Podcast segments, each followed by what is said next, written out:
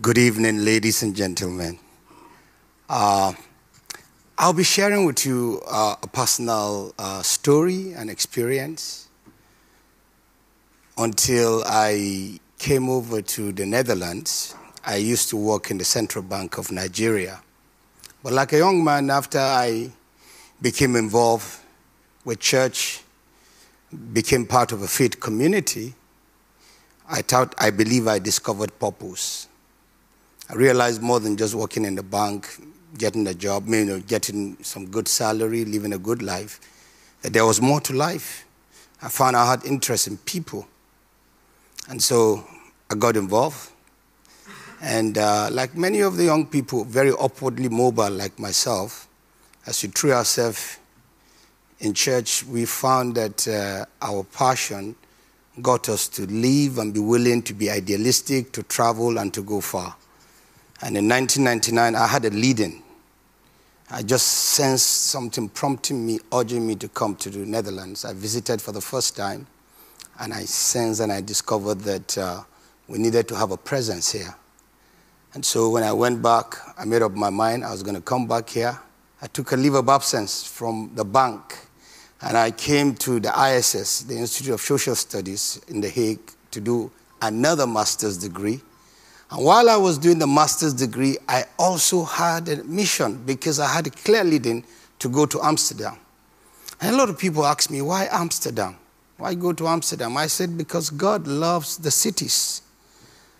And another thing is because the nations, they gather in the cities.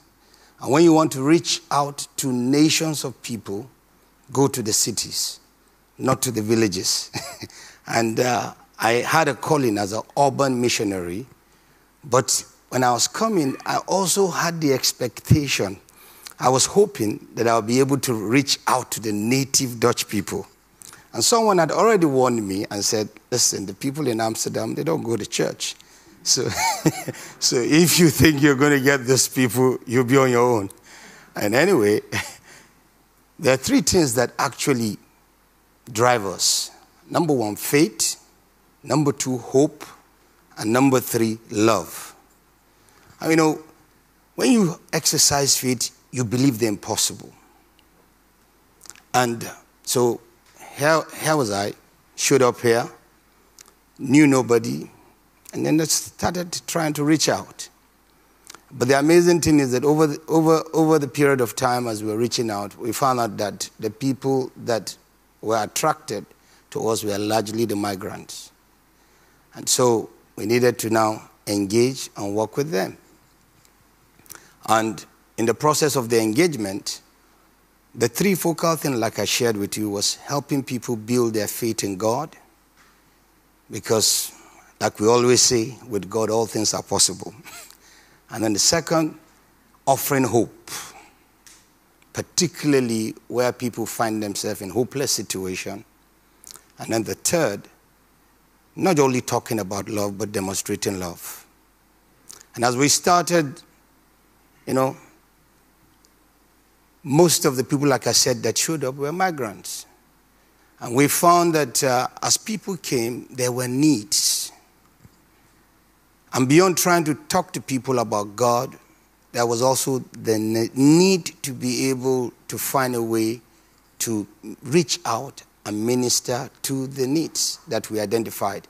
The first was as many migrants were coming, we found out that many were like strangers. And they needed a place where they could be able to identify and they could be able to feel a part of, have a sense of belonging.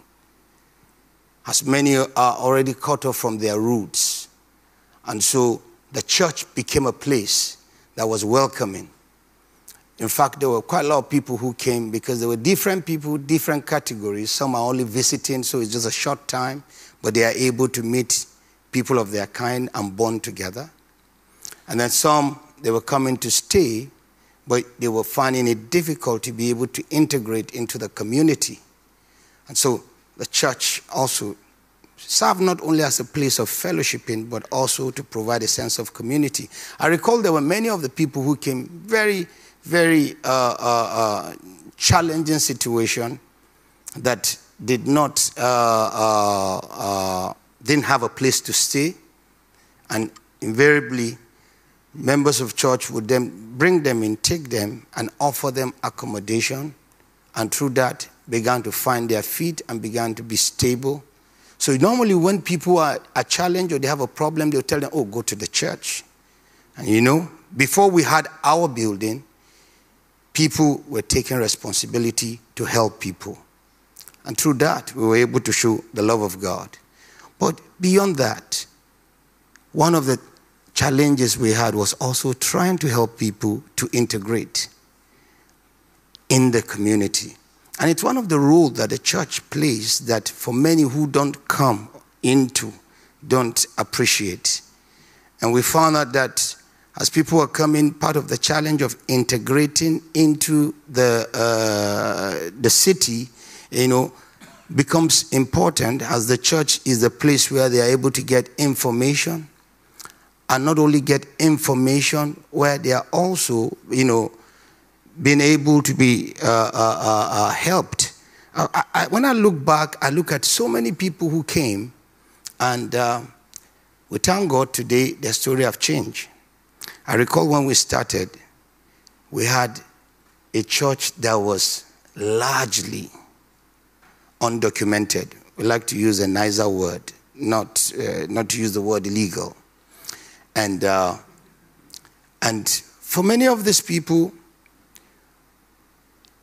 to help them settle in, I recall, it may sound strange to many, but one of the things we used to do we tell people, as a people of faith, we believe in prayers. Some went, went through this asylum procedure. Some who suffered rejection, they had to get some help to be able to sort themselves out and to see how they could go on. Some who were able to get their stay, they needed to be able to find a way to get established. And so we had to be able to bring up things like training. Uh, we, we, had to create several initiatives within the church. Number one, the language training to help people to begin to get acquainted with the language. We, of course, got external help. We had to also start uh, uh, uh empowerment trainings for a number of the people to teach them if you don't get a job. You can begin to see what skills you have and how you can begin to engage that. For many, we had to be able to begin to teach them some of the things that we would help them in terms of integrating in the culture. So quite a lot of initiatives we started to do that made the community to become, you know, a reference point. And as we eventually got our building, organizing became even a lot, lot better. But also, we taught people how to get back to school, how to develop themselves, train in the school. Because we come from a background where many of us were professional. My wife was a medical doctor. We had people who, who came on cross postings, who were working in Shell and other places. It was a lot easier to have mentors, role models, who could also help them. And that, you know, brought, you know, made some difference to the people. So with that, we try to balance the spiritual, the physical, and the mental because we believe in our ministry that we have to be able to minister to the total man. And one of the things after that, helping people to be able to get established, was also to begin to look at how we can get our people to get involved in the community so that in a way there will be a give back. The interesting thing was that as the people began to get settled, we found that we began to find people who were mingling in the Dutch community, and before long, we began to have Dutch members through relationship.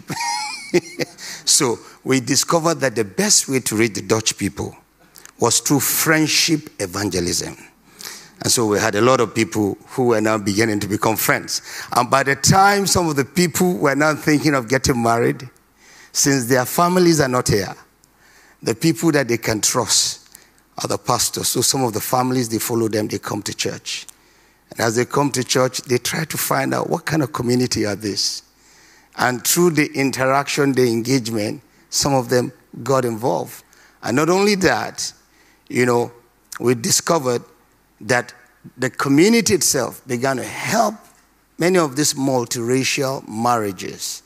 And in that way, the congregation's face began to change. We have quite a lot of people who came in through what I call friendship evangelism. So in the city, a melting point, we find different, different, you know, people from different parts of the Caribbean, from Africa, all coming together. And of course, the business of helping people to build their faith in God, have hope, and also to demonstrate love continues. In a nutshell, that's been my experience. I was there for about 15 years until uh, 2016 that I had to leave. Uh, we, in that period, we didn't only start the church in Amsterdam.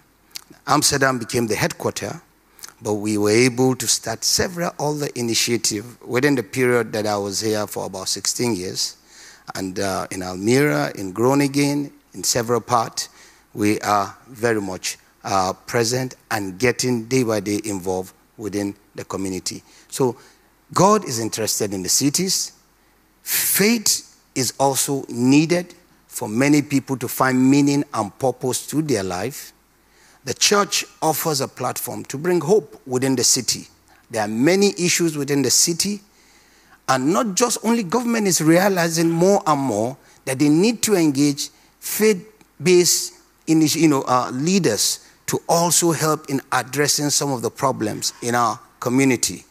Today, while we were having uh, dinner, we were talking about the engagement in Amsterdam with the churches, which my church is a part of, in terms of addressing some of the social concerns, like the issue of uh, health and the issue, there are several other issues, but I, I think I'll just leave it here. Thank you.